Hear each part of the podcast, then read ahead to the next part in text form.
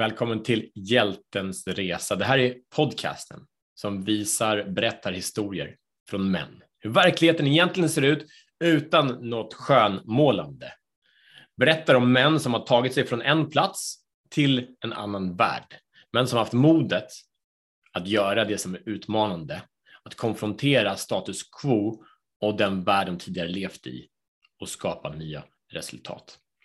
Idag har jag med mig en, en vän och en broder som är känt under kanske ett år, jag vet inte, när vi började få kontakt, eh, som har en otrolig resa och en resa som börjar komma fram och när mannen är en del som bjuder in till konversationen både högt och lågt i tidningar och medier driver han den också. Och vad vill säga, här är en man med enormt stort hjärta och eh, han kommer vara ostoppbar i sin mission. Han har så mycket att ge. Um, och utöver det han gör, som vi kommer berätta mer ut, utöver historien, så är han också en coach och hjälper män med liknande situationer. Men förutom, eh, för att inte springa kring, kring, som katten kring het gröt, Johan Rylander, varmt välkommen. Tack för att du är här. Berätta, vem är du? Hej Mattias, tack så jättemycket för att jag fick komma. Eh, jag är en man från Uppsala 54, snart 55 år gammal. Eh, jobbar som sjukvårdsbiträde eh, på ortopedavdelningen, Akademiska sjukhuset. Jag har jobbat inom vården eh, de senaste 25-26 åren ungefär. Tycker om att hjälpa människor. Har ett stort, eh, ja, jag vill väl säga det att mitt hjärta är stort. Jag har alltid varit eh, en empat Ser jag någon som mår dåligt eh, så tar jag hand om den personen, vill göra vad jag kan för att den personen ska må bra. Mm. Det är väl en kort presentation av mig. Bra sammanfattning av 55 år. Eh, så börja berätta Johan, din historia. Berätta om din utmaning. Berätta om helvetet du har levt i. Ja, det är ju så här att för tre och ett halvt år sedan så kom jag äntligen loss efter att ha varit fast i ett kvarts sekel i en destruktiv relation. Jag var i ett äktenskap eh, där jag upplevde någonting som det knappt pratas om i media. Eh, vi pratar om våld i nära relation som idag är synonymt med mäns våld mot kvinnor i folkmun bland politiker. Jag var alltså utsatt för det här våldet, olika typer av relationsvåld som jag vill kalla det. Eh, det var fråga om, som tur är, inte så jättemycket eh, fysiskt våld, eh, men man vill ju gärna förminska den biten. Möjligtvis för att jag är man, inte för att det är så, men man, man har lärt sig att man ska inte lyfta upp sådana saker för mycket. Då. Det var mycket psykiskt våld, det var mycket ekonomiskt våld, materiellt våld, eh, fem par glasögon rykte, kläder för tiotusentals med kronor blev sönderklippta. Sitter idag fast i Kronofogden. Eh, ja, det var ett, som du uttryckte det, ett helvete som jag gick igenom. Eh, kan du berätta, vad var, för jag tänker att relationen var inte alltid så där. Vad var det som ledde till den platsen av, av det här våldet som du beskriver? Ja, det är ju så här, de här relationerna är ju ofta så att du hamnar i en där ja, man, man, ser ju inte det här från början, att den här personen är en hemsk person, utan det här var ju en eh, kvinna som eh, jag blev förälskad i. Eh, hon var väldigt olika. Man säger på engelska opposites attract och att man dras till ens motsats på något sätt. Jag väl, har alltid varit lugn av mig. Hon var från ett annat land mycket passion, mycket eld, mycket romantik, mycket den biten som, som klickade med mig eftersom jag själv gillar romantik. Jag gillar att laga mat, jag gillar att dansa, jag gillar musik, olika typer av musik. Sedan jag var liten så har jag liksom gillat den här mjuka biten, den här romantiska musiken och gärna med latinamerikanska rytmer och toner och melodier och så vidare. Så att vi hittar ju varandra då och eh, vad jag då inte visste tänkte på. Så hon skannade av mig direkt där i början. Därför att hon frågar ju nu så här, det är ju lätt att sitta här idag och vara efterklok, men det är så man måste göra för att kunna gå vidare och hjälpa andra. Att vad hon gjorde var hon ställde väldigt mycket frågor i början, vad jag tyckte om, vad jag inte tyckte om. Och jag tänkte att hon sa ju att jag var hennes man för livet. Liksom. Hon satte upp mig på en pedestal. Jag kände mig väldigt älskad av henne och det var ju väldigt spännande och roligt. Va? Vi blev, och så gifte vi oss väldigt fort. Hon ville ha barn väldigt fort. Så vi kom in i den där vägen. Och sen är det klart, första åren, visst det var bra när barnen var små.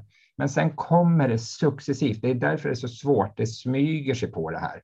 Eh, och sen i efterhand så har jag förstått att det här är när jag läst om narcissister, när jag läst om psykopater, vad som lite, vad säger man, som, som, som, beskriver dessa personligheter. De är olika på olika sätt, då, men så är det väldigt mycket som, aha, just det, det där känner man ju igen.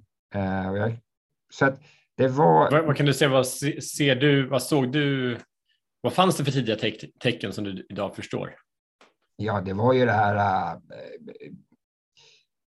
jag såg väl en gräns. Det var när vi gifte oss lite grann. Att vi, när, hon, när hon hade rott i hamn, om jag får säga det så, när vi hade blivit gifta, när hon var liksom så. Då, Säker och trygg? Ja, lite så här, du vet, när, det var en grej när vi bara dejtade och så, då var det ju liksom inte alls på samma sätt. Sen, då var det spännande, det var kul, det var inte så mycket förväntningar. Sen så byggdes förväntningarna upp. Hon ville köpa det ena med det andra och jag har, kommer från, jag är uppfostrad till att man ska inte slösa på pengar, jag ska inte, jag är en konsumtionsmänniska. Va? Men hela tiden var det här, hon mådde ju så dåligt, hon var så ledsen, hennes mamma, du vet när hon växte upp blev hon slagen. Det var mycket det här spelet, va? ja det var synd om henne och jag tyckte synd om henne. Jag såg henne som en liten fågelunge kan man säga. Va? Lite, att jag fick den här rollen som mannen då som skulle få henne på fötter och inte mm. bara vara älskare eller den här hennes man. Och jag lagade ju mat, jag tog hand om, alltså jag gjorde så mycket. Men jag gjorde det för jag tänkte att ger man så får man. Va? Och jag ville ju vara min bästa version så att säga. Ja. Men sen vart det liksom de här grejerna, vi köper saker och så skulle vi, vi eh, köpte en parabolantenn. Va? Och den köpte vi lite billigt på ett ställe där det var hur många delar som helst. Så är det något jag inte är så är det tekniskt. Jag, jag är inte så himla haj på det här att skruva ihop saker. Och hon blev irriterad, skällde på mig och tyckte jag var värdelös. Då, då kom det. Det var liksom första gången. Så mina föräldrar, min mamma brukar ju säga att jag kom ju hem där första året. Vi, hon köpte ju en lägenhet och fick en lägenhet av mina föräldrar stod i mitt namn i och för sig från början och så där. Men, men, men jag kom, och det var bara ett par kvarter borta från mitt barndomshem eller från min, mina föräldrar. Så jag kom ju hem dit ganska ofta och sov för vi hade bråkat. Så det var mm. mycket bråk. Eh, men jag kopplade inte att det var, jag tänkte att okej, okay, det händer inte nästa gång. Då gör jag så här istället för att det inte ska bli bråk nästa gång. Va? För jag är konflikträdd eller var. Det har jag, jag är inte längre. Jag var väldigt konflikträdd. Jag är uppvuxen i en familj där vi aldrig bråkade. Och jag, jag skulle vara snäll. Ända sedan jag var liten så har jag gillat att vara snäll och jag var snäll mot andra. Så bråka, det var inte på min agenda. Så jag tyckte det var obehagligt. Och jag har också är den standarden förskjuts. Så det börjar på ett bra sätt och sen så okej, okay, hon behöver hjälp och det är en typ av konversation mm. och sen så accepterar du det för det passar in i ditt sätt att se världen och se dig själv. Jag vill vara en person som är hjälpsam och om, ja. omtänksam. Men sen så suddas de här gränserna ut mm. för vad, som, vad, vad, du accepterar eller inte för att du har en väldig vilja och sen går det bara längre och längre och längre och sen du berättar om söndertrasade kläder berättar om andra saker. Eh, men egentligen det, det, det, problemet är så att det kommer ingen ingen, ingen stund som är så pass tydlig, som är så långt utanför ramverken. Alltså det blir den här ska jag så, jag tänker en stjärna som sitter i bröstet mm. och så börjar röra sig mm. och skär upp lite grann och sen skär upp lite mer och lite mer, men det skär bara upp lite grann så det gör lite ont, men det gör inte så ont. Ja, det är det där och, och till, till, slut så är det så uppskruvat så att man kan snurra fritt.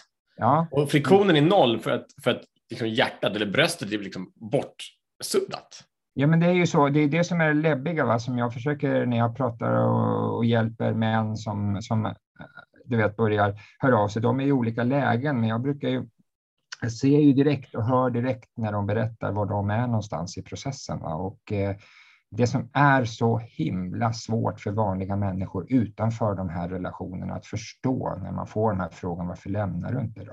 Varför gör du inte det? Varför, vad accepterar du det där för? Alltså du är inne i någonting som du har, som du säger, det där var en ganska intressant liknelse, för det är så det blir. Lite, lite, lite hela tiden så utökas det där hålet och så, tills att det blir en grej som du bara lever i. Du, du tänker att för mig är det här nya, the new normal, det nya normala. Eh, som inte och det är det är som är unikt med människor också, att vi är så enormt anpassningsbara. Ja. Så det blir också, när vi, vi, vi är ju du, stamvarelser, så det här är min stam. Mm. Och du var dedikerad att ta hand om din stam. Mm. Och det var viktigt för dig, som var din, din, din, din fru och dina barn. Ja. Så det finns också mycket så kulturella grejer. Så ska inte skilja sig, ska kämpa, ska göra massa sådana saker. Men mm. till vilken bekostnad? Liksom, kom på ja. andra sidan. Ja. Så varför lämnade du inte? Du säger att det är svårt att liksom, det blir otydligt när det händer. Vill du berätta vägen dit och sen framförallt vad, vad var det som sen fick dig då, nästan 25 år senare att säga nej? Ja. Hur var processen ja. där? Ja, men det är ju så här att det är ju, det, vi pratar alltså ett kvarts sekel här. Det är, det är långt lång tid, 25 år. Det är nästan så här när man tänker till, hur fasen orkar jag i 25 år? Och det är klart, det var ju inte så här att det var ständigt kaos, ständigt elakt så, utan det, det som var var att det gick upp och ner. Det är alltså en sån här slags hemsk berg och dalbana som går. Att de är ju så, det är så, så utstuderat. Va? För att, jag vill minnas, nu börjar det komma upp saker som jag, jag tryckte ner allt det här som hände för att orka. Och jag, jag, ska veta, jag sökte hjälp vid fyra tillfällen. Mm. Men fick höra att tyvärr måste vi hjälpa kvinnor och barn. Vi måste prioritera dem för det finns inget ställe för dig och vi kan inte skicka dig på något skyddat boende. Det finns inte. Så, och, och, så man då ställer frågan första gången var att aha, okej, okay. andra från, och då hade det blivit lite värre. Och så tänker man så här, men vad är det här? Vad ska jag göra då? då? Nej, men håll, håll låg profil i hemmet, liksom. hamna inte i bråk och bara försök att inte hamna i de där situationerna, Johan. Liksom. Yes, väldigt enkelt. Jag var ju ganska duktig på det där att fatta då att jag får inte hjälp av samhället. Det spelar ingen roll om jag går till polisen som frågar mig vad, slog, vad gjorde du först när, när jag sa att hon hade slagit mig. Jag, jag mm. drog mig väldigt länge för att gå till polisen. Hon hade ju gjort massa saker som jag inte hade gått till polisen. Sen en gång gick jag faktiskt till polisen och då fick jag den frågan. Den första jag fick var, vad gjorde du först? Och då förstod jag där att de fattar ju inte det här och de har sagt till mig att akta dig för att hamna i de här relationen eller bråksituationerna. För att blir det så att ni ringer och vi måste åka ut, då är det nio fall av tio mannen vi plockar med oss. För att de flesta vet ju att männen börjar ju slåss och så slår kvinnan tillbaks i försvar. Och, och, alltså man bara kände det här det här, det här är inte sant. Va? Vad ska jag göra nu? Så jag, jag, jag blev en expert på att bli en, jag blev ju någon slags, vad ska vi kalla det, en känslomässig apat. Va?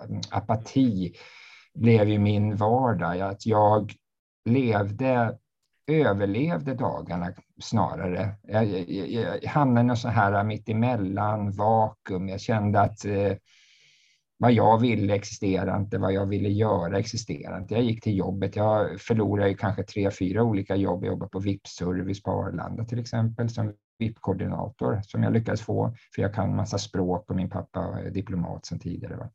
Så jag fick ju sådana här jobb, men varje gång så till slut så blev det vår familjesituation eller min situation. Det är alltså hennes krav på mig att jag var tvungen att vara hemma och så jag sjukskrev mig ganska mycket eh, vabbade fastän jag inte hade barnen hemma. Och det var ju hon som var sjuk, så hon sa, men du får vabba. Jag, nej, men det kan man ju inte göra. Så, jo, men nu gör du det. Eh, så jag blev ju någon som jag inte ville bli. Alltså, någon som började ljuga, eh, någon som nallade på det här etik och moral som är så viktigt för mig. Eh, jag har snattat och fast tre, fyra, fem gånger tror jag sammanlagt och tyckte det var så skönt när jag blev fast. Va? Jag tyckte det var liksom då fick jag prata med en polis. Jag fick prata och berätta hur jag har det hemma. Men du ska inte tro att de då sa, jaha, men du, behöver du hjälp? Mm. De sa bara, ja, du vet ju att snatta är ju inte så bra. Du, du, du, du måste ju tänka på dina barn. En förebild för dem. Och, En pappa skulle snatta och sådär. Så att jag har märkt mycket hur brister finns i samhället och det här gjorde ju då till en början att jag blev väldigt apatisk.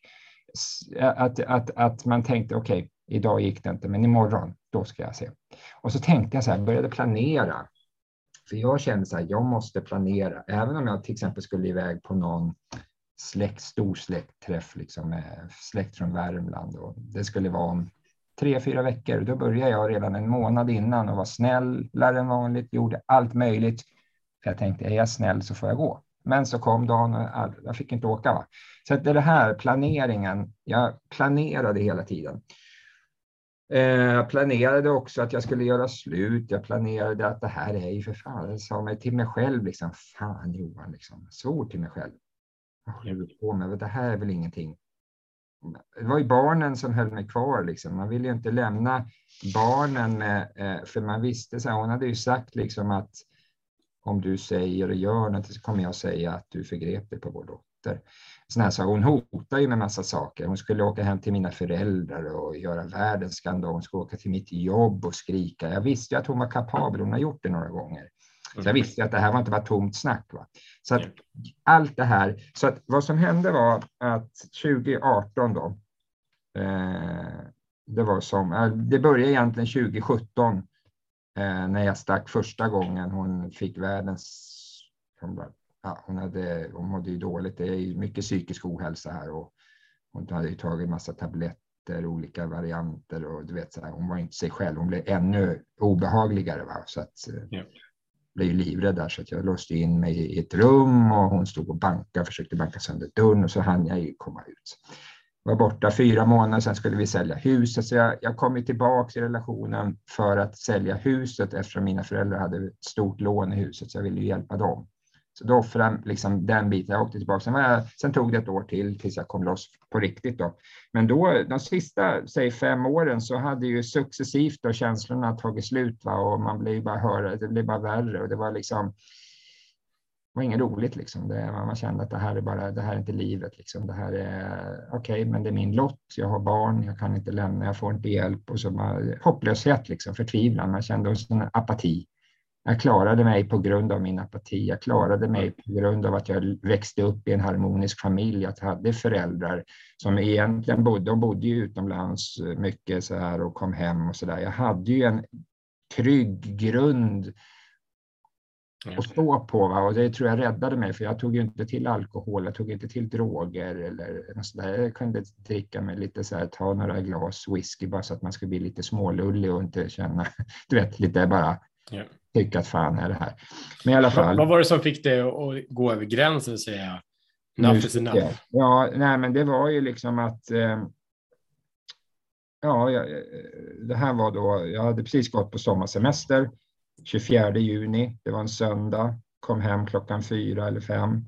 Redan klockan sex så började hon tjafsa och bråka på mig och vad skulle vi göra nu på sommarsemestern då? Vi hade en, hon hade ju köpt en husvagn och hon säger jag, för att det var hon som hade bas för ekonomin. Allting. Mm. Den husvagnen stod ute i Löstalöt, ett garage där, så vi hade hyrt och för att ta ut den så måste man betala 3000 kronor som inte jag hade. Och hon hade ju pengar, men det, hon sa ju att hon inte hade pengar, men hon, nej, det får du lösa. Så där, då var det ett bråk där och hon tog mina, alltså jag, jag var så trött där på söndagen och så på måndagen så bara stack iväg med min son till vår container där vi hade massa grejer som fanns i huset. Hon skulle ha ut sin där tränings, sån här, vad heter löpband som hon hade köpt också på XXL sån för 10 000 spänn. Det stod längst in i containern. Det tog sin tid och det tyckte jag var skönt. Jag tog med, det var, slapp ju vara hemma och höra massa mm, skit. Mm. Men så kom jag hem och sen då så började hon fortsätta diskutera kring det. Att jag var så elak för jag skulle se till att hon och vår yngste son som var 13 då skulle vara hemma hela sommaren och vi skulle inte göra någonting. Och, Nej, men det, och jag lugnade henne liksom. Okej, okay, så här och hon undrade varför jag inte hade skruvat ihop det där äh, löpbandet. Jag var återigen min teknisk där. Jag tyckte bara det var jobbigt liksom. Jag ville inte, orkade inte. Jag var trött. Jag hade jobbat ett helt år. Det är som man, det är när man får sommarsemester, särskilt man jobbar i vården. Ja. bråk i alla fall. Och sen sov ju inte hon på nätterna, hon sov på dagarna och på nätterna satt hon uppe så att jag sov ju inte så jävla bra på nätterna. Hon hade tvn på och jag var ju tvungen att ligga där inne. Där sen. sen på tisdagen så, då var det alltså den 26, då ligger hon och sover fram till klockan 12, 1 typ där kommer upp och jag, när hon ligger och sover, Christian var inte här, han var ute med kompisar, jag låg och sov lite, jag vilade för jag tänkte skönt när hon sover. Men man hade, låg liksom på med helspänn alltid för att om hon, jag hörde att hon vaknade till, då, då reste jag mig fort som fan ur soffan och jag kunde inte ligga och sova för det skulle bli ett helvete. Va? Mm. Jag hade mina, min jacka, i där hade jag nycklar, plånbok, allt det här mm, viktiga grejerna i jackfickan och den hade jag gömt bakom soffan lite för hon brukar ju ta mina grejer. Det hade hon gjort ett antal gånger förut och haft världens jävla makt och jag fick be om ursäkt för att få tillbaka grejer. Mm. Kom hon ut där och så tog hon min jacka och skrek. Först skrek hon, vad fan ligger det här för? Varför gör, varför gör ingenting? Husvagnen och löpbandet är ju värdelöst. Och så tog hon jackan. Hon var så jävla snabb. Jag visste det där, hon gör ju sånt här, men ändå så hade man släppt ner garden lite där. Jag visste att hon gjorde sådana saker, men man orkar inte vara på helspänn hela tiden. Så, jag tänkte, så tog hon jackan och gick iväg och då bara jag tänkte, jag bara slog det slint i mig. Alltså, eller jag bara kände att nej, fan, hon får inte ta mina grejer. Så jag gick, tillbaka, gick efter så ryckte jag tillbaks jackan. Mm. Slog, alltså, tog jackan bara så jag fick tillbaks den. Och då började hon slå mig i ryggen så här och, och jag bara liksom tänkte, nu går jag, nu, nu skiter jag i det. För jag hade tänkt att det, jag hade nästan tänkt att jag ska provocera henne så pass att hon tar till fysiskt våld. Mm. Slå mig, för att den gången hon slår mig nästa gång, då sticker jag. För det var jättesvårt när hon var ledsen. När hon blev arg och fly, så här rasande och slogs, då var det mycket lättare att sticka. Mm. Hjärtat slog så här. Tog ett par finskor, jag hade svensk fotbollströja på mig, ett par jeans och så hade jag min den här svarta tunna jackan med allting i. Då. Stack iväg ut. Satt på en parkbänk. Jag tänkte nu skiter jag i det här. Mm. Och hon ringde och ringde och ringde och ringde. Jag svarade inte. Till slut svarade jag efter en halvtimme. Jag minns ju vad klockan var, 13.32. Mm. Det var en tisdag. Eh, så då sa hon att jag måste komma hem för annars så kommer det bli en katastrof. Mm. Och då tänkte jag katastrof. Jag visste att Christian var där, tänkte jag. Fan. Christian. Så jag gick hem jag, och hon ville ha bilnyckeln. Jag hade fått med bilnyckeln av misstag, den fanns ju där i min ficka så jag gav, hon fick. Och då, hade, då stod han, då hade jag han, 13-åriga sonen, liksom, sagt åt sin mamma, varför slår du pappa för? Varför gör du mot pappa? Han har inte gjort något. Då blev hon förbannad som fasen på honom och sa åt honom att packa en väska och så stod han ute med en liten ryggsäck. Hon fick nyckeln och så kom Christian, nu går vi. Så gick vi och satte oss på en Burger King uppe på taket och bara, jag var helt, alltså du vet, hjärtat slog så här. Och så ringde jag socialtjänsten femte gången då sa att nu får ni göra någonting. Det här går inte mer. Nu, nu, jag orkar inte mer. Så jag, jag kan inte gå hem till det här med en gång till, så jag en femte gång. Nu, nu vill jag ha hjälp. Ja. ja men eh, så jag har ingenstans att ta vägen ikväll. Så fick jag en, ett skydd, en, en sån här jourrum då, någonstans i Eriksbergs. Ja. Och eh, kom dit och sen gick vi ner och såg på fotboll. Det var ju fotbolls-VM då, så Christian och jag satt på O'Learys och tittade på fotboll på kvällen och bara försökte glömma allt det där. Och sen så mm. skulle vi sova och sen så eh, på morgonen då klockan tio skulle jag gå till Nexus då, eh, socialtjänstens eh, avdelning för våld i nära relation. Och mm. Då ringde jag mina föräldrar och sa om de kunde hämta Christian där på morgonen vid nio, så, för jag skulle iväg dit kommer bara dit och så säger de du ska till ett skyddat boende. Mm. Till alla, alla kvinnors hus. Mm. Oj, så okej, okay, eh, var då? Ja, i Stockholm. När? Ja, du ska vara där klockan ett. Mm. Och då, då, då, då spelar sig upp i mitt huvud, nu har jag en chans här. Och så tänker jag så här, man får ju höra då, alltså på skyddade boenden så är det inget internet och det är inga mobiltelefoner. Och jag tänkte, jag såg framför mig någonstans ute på vischan. Jag visste ju ingenting om skyddade boenden. Jag tänkte, vad är det, liksom, var ska vi hamna någonstans? Liksom? Och vad händer nu? men jag, jag, jag bara tänkte att nu får jag chansen här, nu tar jag den. Mm. Så det var egentligen ett sekundbeslut, typ att nu, nu kör vi, nu kör vi. Va? Så att, då jag åkte dit, hade ju inga kläder, ingenting, all, jag lämnade ju allt. Mm. Så att där och då, den 26, eller om det var den 27, 27, 27 juni, så åker vi, min son och jag, till Stockholm. Hur kändes det när du fick en utväg? Det var så skönt. Men, ja, när det var skönt. Det var, det var, vi vi, vi, vi, vi eh, fick vår lilla tvårumslägenhet och sen det är såna externa lägenheter där män då får bo. Mm. Har ju, man ska inte bo på samma ställe som kvinnor som varit utsatta för våldsamma män. Va? Men vi fick vara där på dagarna på själva skyddade boendet. Där. Men i alla fall gick ut och tittade på fotboll. Då. Vi skulle titta på Sverige, Mexiko. Vi gick till något som heter Trädgården där och det var hur mycket folk som helst. Och så vann Sverige med det var 3-0 eller något sånt där. Och samtidigt så förlorade Tyskland mot så Mexiko. Vi gick ju vidare. Men Christian, vet du, aldrig sett honom så glad. Han och jag stod och skrek heja Sverige och körde med när vi gräver guld i USA. Den låt som jag kommer ihåg från 94 när jag var yngre, du när de tog brons. Och här fick jag med min son, för far och son. Alltså det var, mm. Jag får en klump i halsen fortfarande när jag tänker på det. Jag får gåshud för att det var så fint. Det var så, och vi, vi hade ettan, tvåan, fyran, sexan också på tvn. Eh, vi hade på bakgården, det här var alltså på Götgatan, så vi är inte alls ute på vischan. Det här ligger ju på Södermalm, jättefint. Och världens varmaste fina sommar. Och yeah. Vi hade fotbollen och så vi satt han och jag i soffan tittade på tv och så kunde han säga så här, vad lugnt och skönt vi har det pappa. Mm. vad härligt vi har det. Jag älskar dig pappa, kom det ibland så här.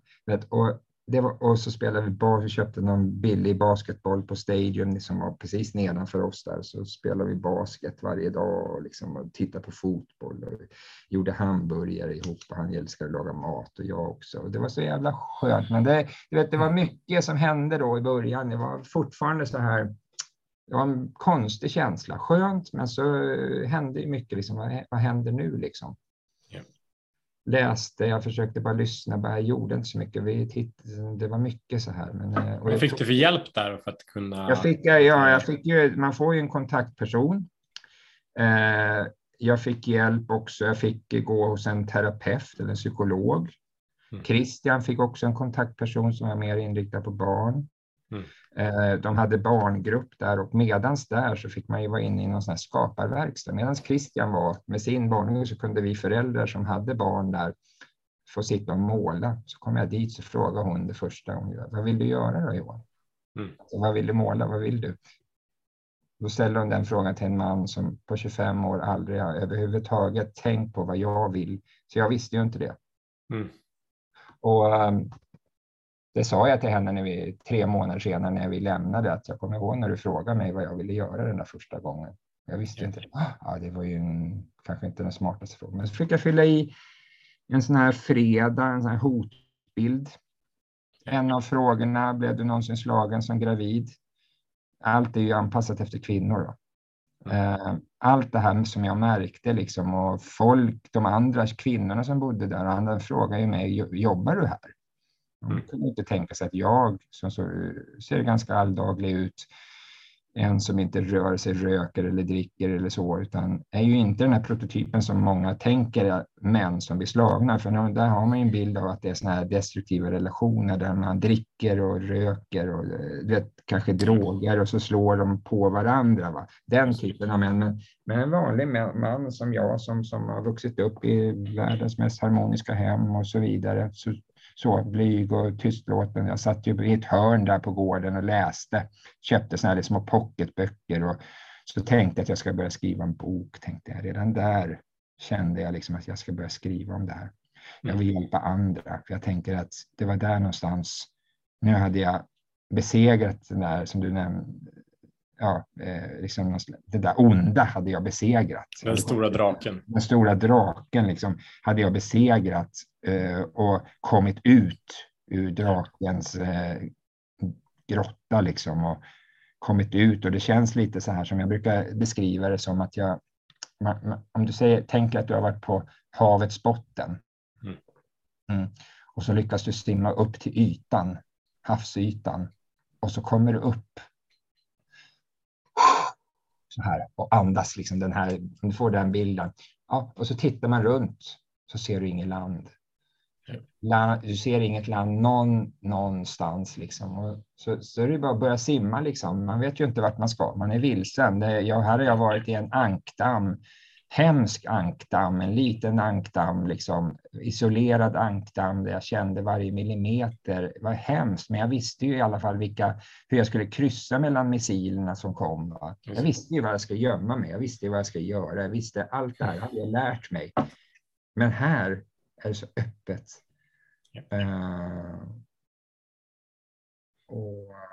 och det här är ju superviktigt just det här att hur, hur jävligt livet än är, som när vi vet skiten vi står i, värdet av det, tryggheten det gör.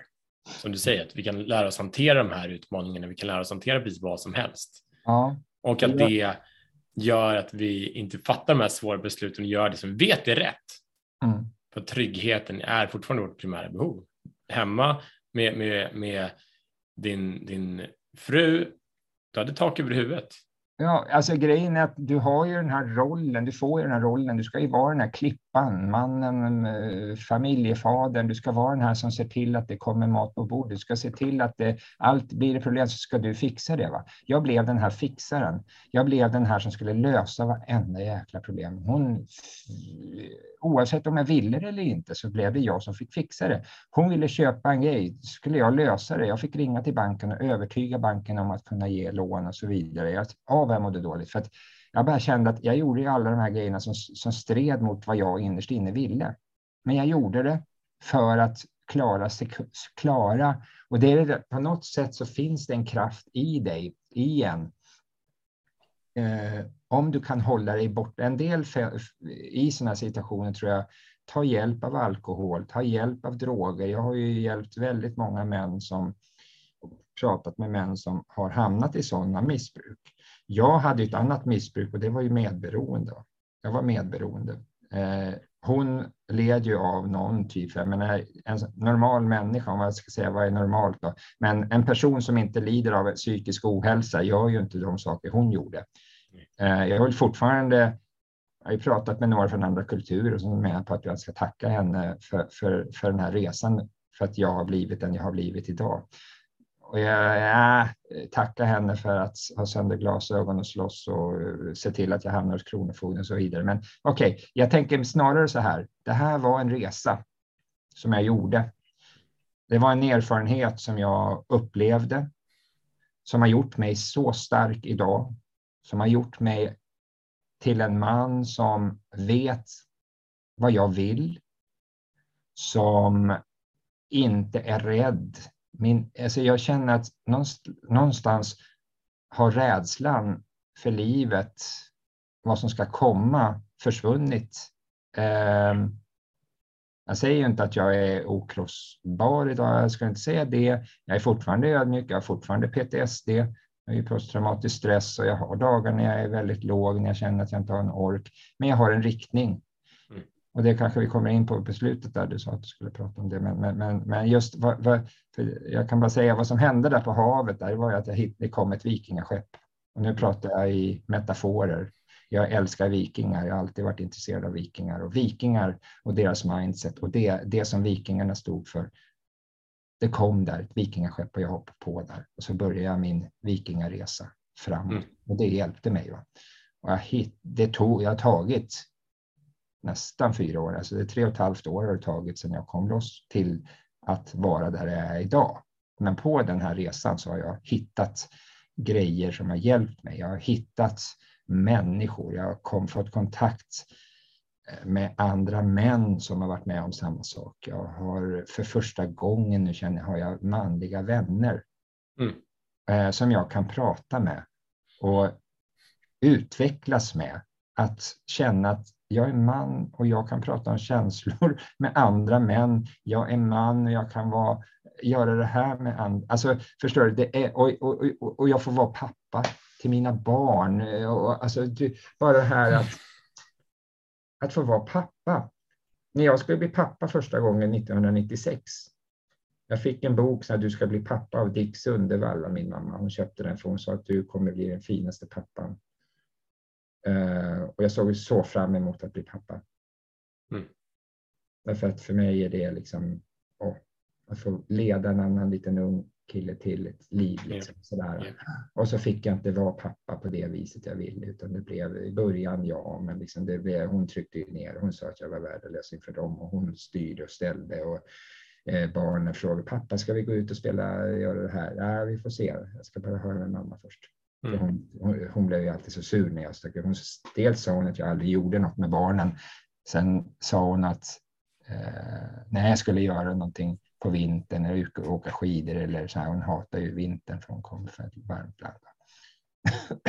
Men äh, då var jag elak och då var jag dum att lämna henne själv. Liksom. Så att de lärde sig att okej, okay, det är ingen idé att fråga pappa om saker för vi bara vi får se. Men liksom nu satt vi och drack öl, min äldsta son som är 25. På ett, eh, ett belgiskt ölhus här där jag bor. Eh, så han läste till läkare, höll på och hade en kurs i våld i nära relation då, som mest handlade om mäns våld mot kvinnor, men lite grann om annat. Men han orkade inte lyssna på, så han hade ju suttit med hörlurar på och lyssnat på musik. För han, han, han, han minns ju så jävla mycket. Han, och och eh, så jag sa det, du vet ju att du kan alltid höra av dig till mig om du vill prata om det här som vi har upplevt. Du har ju upplevt det på ditt sätt och jag på mitt. Nej, men det, det, han tyckte väl just det där vill han inte prata om så mycket för att vi står för nära. Så. Men det som hjälper mig pappa, det är det här. Vad då menar du? Så? Ja, sitta här och dricka en öl och göra son, far och son. Bara vara far och son, göra sådana här saker. Mm. Han ringer emellanåt och bara nu har så fin kontakt och det är liksom och, nej, men det är så underbart. Det här är saker som folk kanske tar för givet många gånger det här att få vara förälder och att man har barn och du vet, men det är de som har de här fina ska vara lyckliga för att det finns många som jag som inte får vara pappor. Kan du berätta om det? För, för du är ju nu eh, med i Akillesjouren. Ja. Och det finns fler män som har liknande utmaningar. Ja. Och det är precis någonting som är på väg att komma framåt. Mm. Eh, och som du sa, kvinnor, våld mot kvinnor i nära relationer har pratats om och det finns ett helt supportsystem för mm. det mm. som säkerligen kan bli bättre. Ja. Men konversationen kring hur män blir fysiskt och mentalt misshandlade är det väldigt lite konversation kring. Kan du berätta vad, hur ser världen ut? Ja, nej, att, ja, det är ju så här att eh, nej, jag har ju märkt bara på ett par år nu lite grann att det börjar ändras i bättre riktning, men det, det, folk fattar inte att kvinnor kan begå, kan, kan utöva våld mot sin manliga partner. Eh, eller att det finns våld i samkönade relationer. Det, alltså det här våldet existerar. Eh, vad folk inte fattar är att det är inte bara mäns våld mot kvinnor. Vi har en jämställdhetsmyndighet som idag har fått ett uppdrag av regeringen som heter Minska mäns våld mot kvinnor. De har alltså ett paraplybegrepp, en stor jämställdhetsmyndighet ett paraplybegrepp som heter mäns våld mot kvinnor. Och vi har ju varit i kontakt med dem. Jag bedriver ju inte bara den här jourverksamheten i Akillesjouren, utan jag bedriver ju också väldigt mycket opinion i, försöker ju vara med där jag får möjlighet att vara med. Jag skriver debattartiklar. Jag har lyckats få in tid, artiklar och skapa en, det var ju här förra hösten, här i oktober, som var en stor, två stora artiklar i Aftonbladet. Ja. Men, men du vet, under det här paraplybegreppet så, så, så, finns, ja, och det drabbar ju även folk eh, i samkönade relationer och ibland även män som lever ihop med en kvinna. Så det är så förminskat. Eh, och, är det inte så här, som, jag har förstått till och med, begreppet mäns våld mot kvinnor inkluderar allt relationsvåld? Mm, jo, det, det, det, det, ja. handlar inte om, om eh, våld. Förut hette begreppet våld i nära relationer, ja. men det har förändrats. Mm. Så nu innebär det att, att mellan två eh, lesbiska som bor Ja. ihop, som lever ihop, som har en nära relation. När en kvinna slår en kvinna Ja, så, benämns det som våld mäns mot kvinnor. våld mot kvinnor. Ja, ja, Och i brottsstatistik så benämns det som våldsmän mot kvinnor ja, precis, för att det är kvinnor som blir slagna. Men, eh, för de vill inte tala om att det är kvinnan som slår. För då blir det ju konstigt. Man har ju lagt allt sitt politiska kapital på att män slår kvinnor. Om du lyssnar på vår eh, justitieminister Morgan eh, eh, Johansson så går ju han ofta ut och säger just bara, de har ju satsat hur många pengar som helst på att minska mäns våld mot kvinnor. Och han uttalar sig alltid till exempel att en man som slår sin kvinna. Är inte bara en dålig man, han är också en dålig pappa, en dålig fadersfigur som inte ska ha med sina barn att göra. Han har förlorat rätten att vara pappa. Och då är det så här att tittar man på Brås statistik på våld som utövas mot barn mellan 0 och 6 år så står kvinnor för 40 till 50 procent. Mm av det våldet. Men det är ingen som tänker på att en mamma slår ju inte sitt barn och en kvinna slår ju inte en man. Det, det, nej, det finns ju inte på världskartan, säger man. Och det här är så hemskt därför att vi i Akilleshoren har samtal flera i veckan som ju mer vi syns i TV4 Nyhetsmorgon, jag fick ju 8 minuter och 30 sekunder på internationella mansdagen. Då börjar reportaget med att man vill eh, med den här frasen. Ja, mäns våld mot kvinnor är ju vanligare, men det finns ju också det andra. Hur vanligt? Och då hade de intervjuat en man anonymt. Johan Rylander, hur, sa de, Johan Rylander, hur vanligt är det här? Är det här vanligt eller atypiskt? Är det typiskt eller atypiskt? Ja, det är väldigt typiskt, ja. Och så, och, och, så hade de klippt in då en sån här grej då att 29 procent av kvinnor som utsätts för våld uppsöker vård medan bara fyra män som utsätts för våld uppsöker vård. Då ska man tänka så att bara där hade de fel därför att det är 0,1 procent av alla som utsätts för våld som uppsöker vård. Och av de 0,1 procenten så är det alltså då kanske 29 procent kvinnor som åker dit och män gör det inte därför att, och, det har ju en anledning därför att män, ju, ju, ju, det som vi jobbar med det är att skapa en igenkänningsfaktor. Mm. Därför att så länge det inte pratas om kvinnors våld mot män. Eller det här, jag, vill, jag har ju börjat använda ett annat begrepp. Jag använder inte när jag debatterar, plötsligt säger inte jag våld i nära relationer ens, därför att det är så intimt sammankopplat med mäns våld mot kvinnor. I folkmun, bland politiker, när man säger våld i nära relation så tänker man automatiskt på mäns våld mot kvinnor. Så jag har börjat använda ordet våld, olika typer av relationsvåld. Och sen pratar jag inte män och kvinnor utan jag pratar om brottsoffer. Därför att vad vi ska komma ihåg är att det är, ja, det är ju samma skräck, det är samma rädsla, samma förtvivlan, samma hopplöshet, samma isolering. Allt det här som tillskrivs mäns våld mot kvinnor är detsamma när det är det omvända eller när det är två kvinnor eller två män som bor ihop. Alltså den här skräcken är ju lika. Jag har ju pratat med flera kvinnor som var på alla kvinnors hus där. Vi har ju fortfarande kontakt med en mamma som har två barn. Vi har ju haft långa djupa samtal hon och jag om hur det var. Och vi var så, liksom, det bara slog oss, fel ord kanske, det är bara, vi blev så medvetna om att det här är ju samma. Du är kvinna, jag är man, men vi har varit med om samma grej. Det här när man ligger och sover och hör sin partner skrika och vara förbannad och jävla så låtsas man sova för att man ska slippa. Och så är man skiträdd att hon, han, han eller hon ska ta tag i någonting att göra. Ja, men jag, jag gillar det du säger med, med brottsoffer för att hela Idag ser jag en, en stor eh, systematisk problem som, som är ett narrativ som säger att män är förövare och kvinnor är offer. Mm. Om det handlar ekonomiskt eller, eller relationsmässigt eller vad det handlar om. Ja. Det är en dialog som eh, kategoriserar in 50 procent åt ena hållet och 50 procent åt andra hållet. Ja. Som inte skapar någon frihet åt någon av grupperna, skapar ingen egen, eh, bjuder inte in till en egen vilja eller en egen riktning utan, utan jag har upplevt det själv på ett helt annat sätt, men där jag blivit kategoriserad som man så är jag en del av problemet. Bara för att jag är man, jag föddes med en kuk. Ja. Okej, du är de där som, som skapar problem. Du tillhör de där, den där gruppen liksom. Ja, och sen så är på andra sidan så här, på andra sidan den här gruppen som det är synd om, som, som får ta skiten från de här som har skapat problem. Ja, ja. Och det, det, här är ju en sån enorm så, disservice. Det, det, det, det tillåter ju inte en individ Nej. att skapa någonting själv, för att båda har en jäkla uppförsbacke.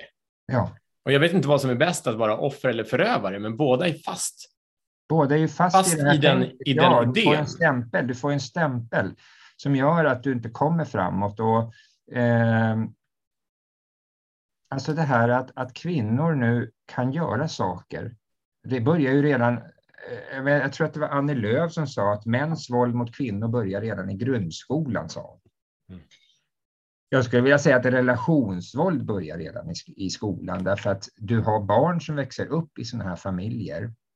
Och då pratar jag ba, liksom, särskilt om de här barnen som växer upp i familjer som inte syns. Alltså män som ut, där deras pappor blir slagna. Säg att du har barn i samkönade relationer där, de, där, där det bedrivs våld som inte heller uppmärksammas. Man pratar i skolan då om mäns våld mot kvinnor eh, du har en föreningen Män som tillsammans med Unison går ut och har något som kallas för Machofabriken där man eh, i stort sett går ut på att prata med killarna om att ni ska inte behandla tjejer illa. Mm. Men tjejerna, alltså jag är själv en 16-årig son som fyller 17 snart. Han har ju sagt till mig, men pappa, alltså, lärarna de ser aldrig vad tjejerna gör, vad de skriver, vad de kränker oss.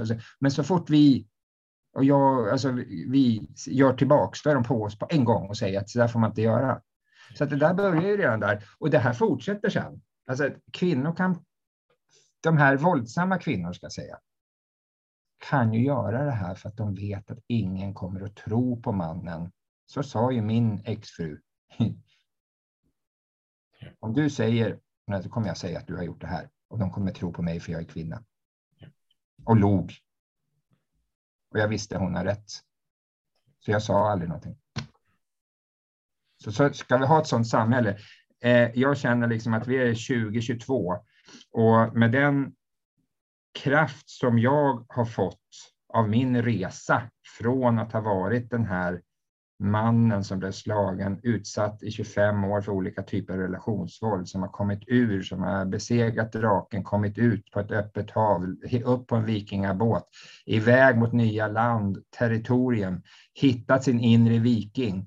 En styrka som jag vill använda då att skapa förändring. Därför att jag om någon kan skapa förändring. Vi, många män som har varit utsatta, om vi bara tar bladet från munnen som man säger. Va? Att man inte bara sitter hemma och tycker alltså, och är tyst. För att säga vad man vill om man jämför. Jag hatar att jämföra män och kvinnor så på det viset, men kvinnor har en förmåga att gå ut i grupp och säga hallå, det här är fel. Nu. Men män på något sätt ska bita ihop. Och det, har, det vet inte jag om det har att göra med en gammal könsnorm, att mansnorm, att män ska bita ihop. Vi ska klara det, vi ska inte klaga, vi ska inte vara offer. Men att vara offer är inget fult. Det betyder inte att man har en offerkofta på sig. Det är, det är två skilda saker, offer och offerkofta. En offerkofta, då säger du att det är så synd om mig.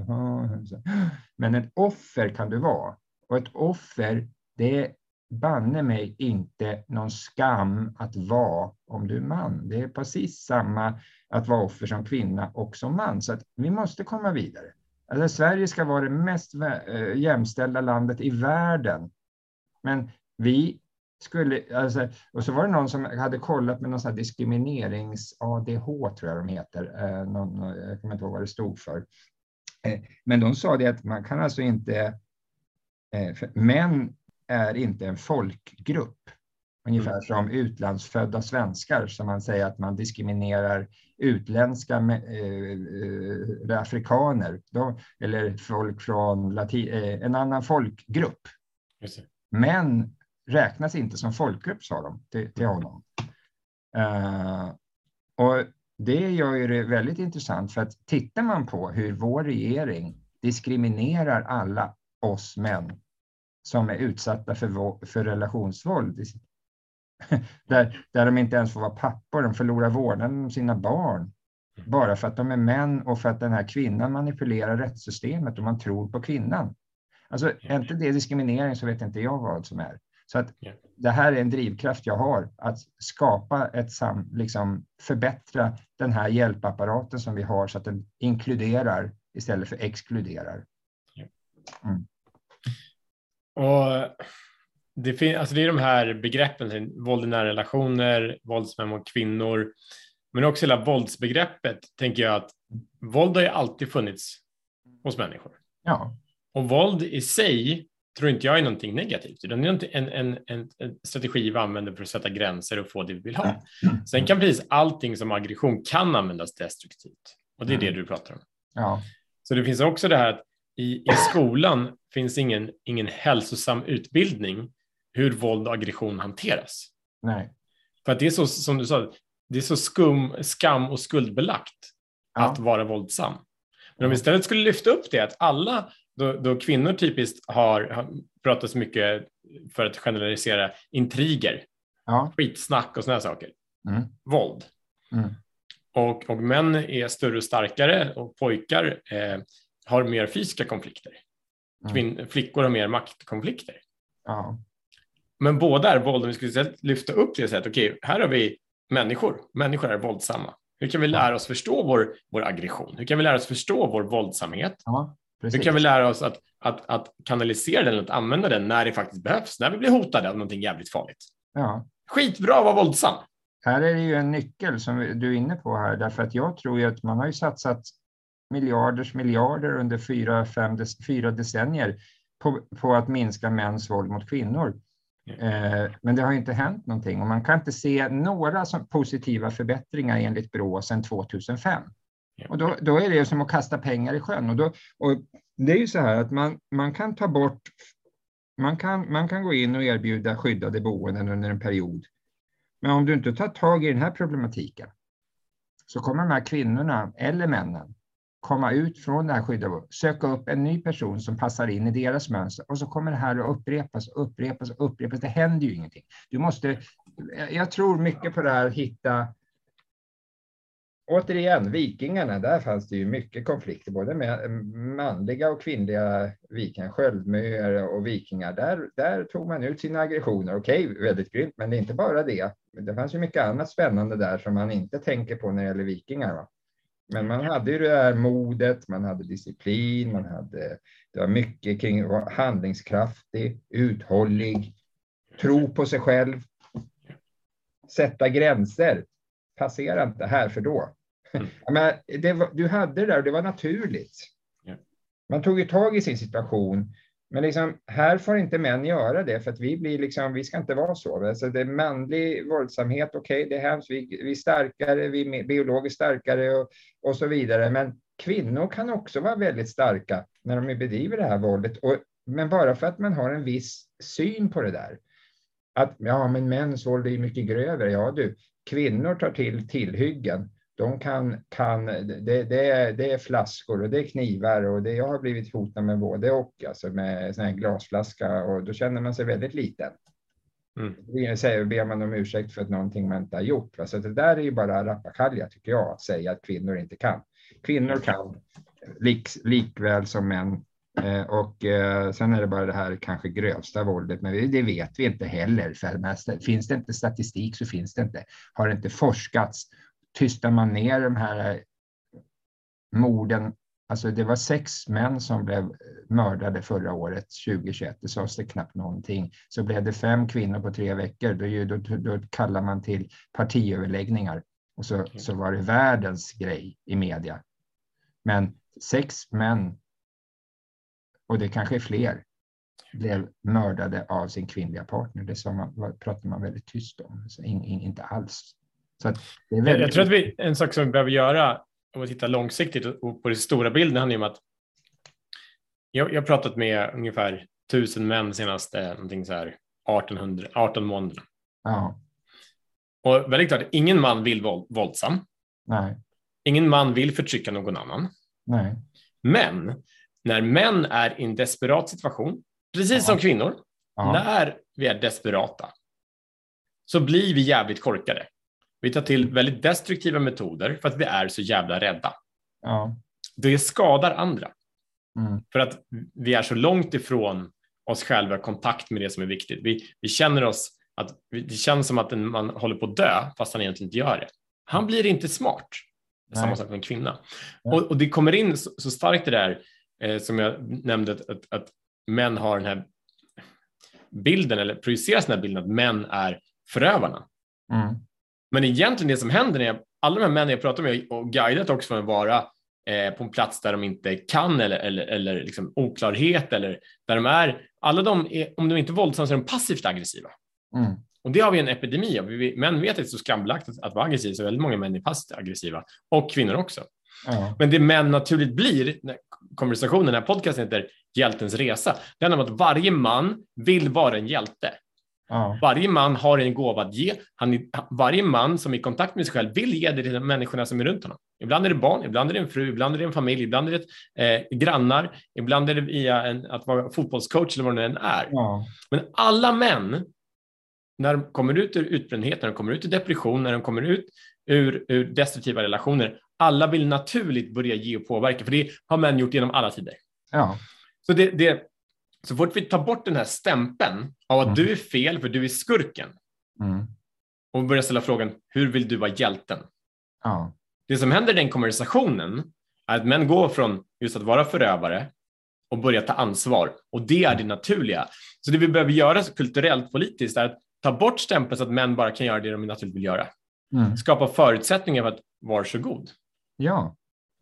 Men- för, det, för det är också det, många män har en, har en tuff bakgrund och som du säger, när man har en tuff bakgrund på, av olika sätt, Mm. men också med den här stämpeln gör det så mycket svårare för att vi kan inte få hjälp. Vi kan inte bli förstådda för att du är redan utdömd i den där hörnan som 50 procent av alla andra som Mm. fel, som, Mm. som våldsmannen.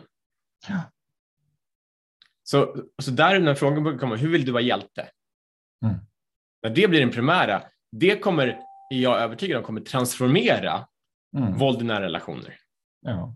Och även för, för, för kvinnor som, eh, när, kvinnor är, är förövaren. Mm. För att det blir harmoni. För både män och kvinnor vill ge sina gåvor. De vill vara betydelsefulla. Ja. Och det blir vi när vi börjar ge, när vi börjar ja, påverka. Ja, men absolut. Och jag tror mycket på det här att lyssna inåt. Eh, För all- både kvinnor och män har ju det här som kallas för feminin och maskulin energi och alla har ju olika mycket av det där. Och när det blir, och det där är ju, vi pratat om förut, här att det är så viktigt att ha balans där. Balans och harmoni mellan de olika energierna och se vad kan jag göra? Och det här är ju, tror jag, jätteviktigt för att om du, om du tittar på det här är alla de här urbefolkningarna som, och, och de här folk, vikingarna. När, när, när sönerna blev tolv, då fick de en sån här armring liksom, och de blev män. Va? Och då, pappan tog ett ansvar för att visa den här killen hur man ska vara som en man. Så där finns i Afrika. Där har mammorna hand om pojkarna fram till de blir 11-12. Sen tar papporna med sig sina unga killar ut och gör män av pojkarna. Va? Mm. och pratar och tar sitt ansvar och visar vägen. Det här med initiering. Jag eh, köpte precis en bok som heter Iron John på Mm. engelska. Ja, och, ska, och, och, och, Robert Bly, en jätte, verkar jätteintressant, har hunnit så långt, men det, han tar ju just upp det här, brist, eller den förlorade den här initieringen, liksom att eh, skapas. Män idag är så vilsna därför att det finns inga män som leder framåt med bra, liksom, och de får, känna, får inte känna att det är okej att vara man. Man får bara höra hur dåligt det är att vara man, hur destruktivt. Och det, det, det är det här som har fått mig att säga, men vänta nu liksom. Eh, så ska inte ett samhälle vara. Och det, jag har en resa och det, jag blev utsatt för våld i nära relation. Det finns många andra typer av där män har blivit nedtryckta och kanske är så. Men det gemensamma är att vi män på något sätt ska bara acceptera den där rollen att inte få hjälp, vi är inte skyddsvärda. Och vi måste på något sätt hitta en väg ut här, för så länge vi inte gör det så kommer det här att fortsätta. Det kommer bli en polarisering snarare än en inkludering. Så polariserar vi eh, och, och alla de här eh, som, som, som bedriver det som de kallar det feminism. Va? Feminism, om du tittar på det ordet som det var tänkt från början, så är det inte det som drivs idag. För det har blivit en maktposition. De har nått makt och de vill inte släppa ifrån sig makten. De får ju mångmiljarder, de här organisationerna. Ja. ja. och de vill ju inte att män ska börja prata om känslor. De vill ju inte att män ska börja visa att de är, är något annat än den här stereotypa norr, eh, rollen som de alltid har haft, typ eh, destruktivt och dumma och liksom inte gör så mycket. Vi kan, alltså, om, det har ju jag märkt när jag har varit med liksom, i den här broder. Liksom, och man får en grupp, man pratar var, en gång i veckan och bara känner fan vad härligt, vad mysigt det är. Liksom. Och, sitta och prata med andra män. Och man lyssnar på varandra, man tar upp och det är liksom det här medkännandet, man erkänner varandra, man lyssnar, man ger råd. Alltså det, det händer någonting. Ja. Eller hur? Och det visar ju att det finns en positiv kraft här. Det är bara att den har hamnat i glömska. Liksom. På något sätt så har det blivit under sen 70-talet. Va? Women's lib och allt det här. Så helt plötsligt ska man börja tänka mer på kvinnor. Och det är inget fel att tänka på kvinnor. Och jag tycker också att man, då var det kanske det omvända, att kvinnor var väldigt nedtryckta. Men nu på något sätt, så har, istället för att nå jämställt, så har, man, har det blivit på bekostnad av männen. På be, mm. flickors situation i skolan har blivit bättre på bekostnad av pojkarnas. Därför att de, eh, så att varför måste det vara antingen eller? Jag brukar säga att det behövs inte vara antingen eller, det kan vara både och. Va? Verkligen. Mm. Hur? Så att, eh, ja. Grymt. Vi ska börja runda av Johan. Ja. Jag vill höra lite, för du eh, håller på att skapa en eh, verksamhet där du kommer hjälpa tusentals män i framtiden ja. till att eh, hitta sin, sin kraft och komma över sina gamla rädslor och eh, hinder. Hitta sin, ja, hitta sin inre viking. För att vikingar, vilka är inte intresserade? Alltså det är ju, det är ju en sån här, vikingar har ju fascinerat människor. Både mm. män och kvinnor faktiskt runt om. Jag märker ute i världen så tycker de det Swedish Viking, vikingarna, det är ganska häftigt och de har ju gjort serier. Och, men okej, okay, då har man ju fokuserat mycket på det här våldsamma, det här att man eh, plundrar och krigar och dödar och allt det där. Men sen började jag liksom nysta lite. Jag hittade de här nine noble virtues som, som de levde efter. Alltså det är nio eh, värden som, som är så viktiga. Va? Och, och, och då är det eh, mod, man pratar om disciplin, man pratar om trohet, trohet mot sina närmaste. Va? Att man har en mm. familj och vilka man ska vara lojal mot och lojala och tro, så här, trohet mot sin fru, mot sin familj, mot sina barn, mot sina grannar. De man umgås med ska man vara lojala mot. Va? Sen har du det här att sin the honor, alltså äran. Man dör Eh, om du, att dö utan ära, så det, det är det värsta. Så man vill ju göra rätt för sig i livet. Va? Du har en gästfrihet, du har en handlingskraft, uthållighet, självtillit och sanning. Prata sanning. Mm. Tala sanning eller håll tyst ungefär. Va? Så att alla de här grejerna, när jag läste de här nio olika liksom, värden eller värderingarna kan man säga, så tänkte jag att det här är ju faktiskt saker som jag under mina år när jag var utsatt och fast i det här, som jag la på hyllan. Mm. Mitt mod försvann. Disciplin, självdisciplin, liksom att göra det som jag verkligen ville göra, det försvann. För jag, det var ju bara vad hon ville.